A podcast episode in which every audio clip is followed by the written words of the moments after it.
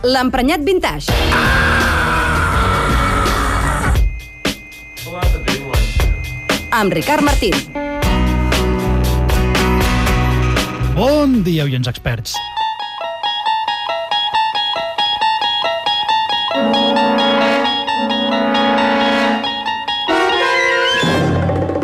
Avui ens endinsem en un afer molt desagradable. Viatge al cor de les tenebres. He decidit investigar. Què coi els passa als millennials amb els unicorns? Pink fluffy unicorns dancing on rainbows. És un fet. La generació millennial està obsessionada amb els unicorns. Aquells ridículs pijames amb banyes, sabatilles d'estar per casa, fundes de coixí, pastissos. Pink fluffy unicorns dancing on rainbows. Estan ofegats en un marasme de color rosa i que sublimen una expressió. Això és el meu unicorn! Pink fluffy unicorns dancing on rainbows. Referit, és clar, a la consecució de la seva fita idealitzada. Bé sigui tenir 20.000 seguidors a les xarxes o una feina on guanyes una pasta i tens ganxitos i cervesa gratis. Smile is something special. A ribbon is something rare. A smile and a ribbon in my hair. La història de l'unicorn, anar a buscar la bestiola idealitzada, és una història de frustració. A la generació millennial els van dir, com en aquesta cançó dels anys 50 de la cinta i el somriure, que eren especials i que podrien tenir mm, el que volguessin a la vida. Primer unicorn. I quan surten de la facultat...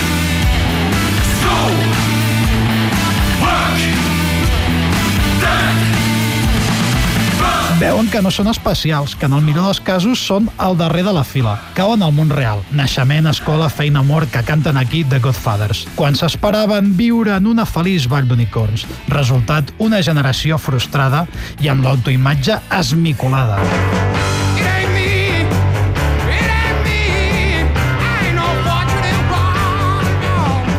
Dir mai que seria el rei del mambo. A mi els profes i els pares em van dir que les coses estaven molt fotudes, que era un privilegiat per poder estudiar i que m'esforcés. Resultat, frustració i ego sota control. Visió realista. Tecnologia segon unicorn. Ells han crescut amb Instagram i Facebook. Pensem-hi. Els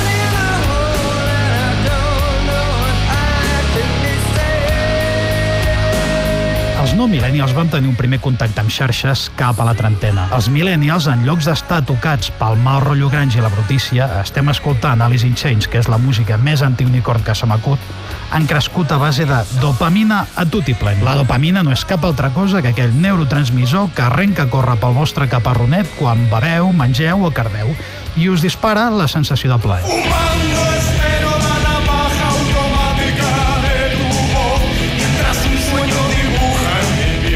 piel. Una manera automàtica disparar dopamina, és clar, és comptar likes i les respostes a l'Instagram i al WhatsApp. I tornes enrere i comptes i recomptes i mires i remires el teu post. Imagineu-vos un adolescent deprimit. Òbviament no té barra lliure ni per fumar, ni cardar, ni beure, per descomptat. Però ei, si ets un adolescent deprimit, que és el teu estat natural, aquí tens aquesta coseta que es diu smartphone que pots fer servir sense restriccions. I el tema és, quan l'adolescent per sistema administra els seus traumes amb dopamina digital, quan tingui un problema gros, què farà?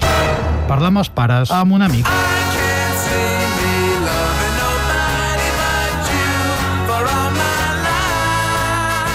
No! Començarà a posar filtres a Instagram, on la vida sempre és collonuda encara que hagis tingut un mal dia. No és estrany que l'unicorn sigui el símbol d'aquesta generació. Els porta a la infància i alhora és una figura que encaixa perfectament amb el món real, idealitzat i colorista d'Instagram. Tercer unicorn! El problema és que mm, els millennials els han venut aquest discurs d'aquesta senyora de coaching que frega l'insult a la intel·ligència. Escoltem-ho. Los unicornios tienen el control sobre su vida. Los unicornios disfrutan del momento. Frente a cualquier reto o cualquier cambio, el unicornio se siente en confianza, seguro y sobre todo es proactivo. I En és cambio, clar, todos s'ho creuen i els passa el que els passa.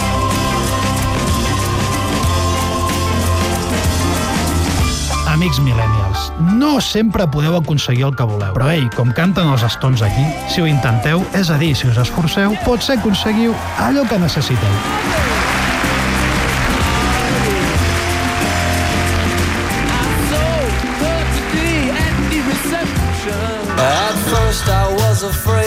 Els experts, cada dia de 7 a 10, a ICAT.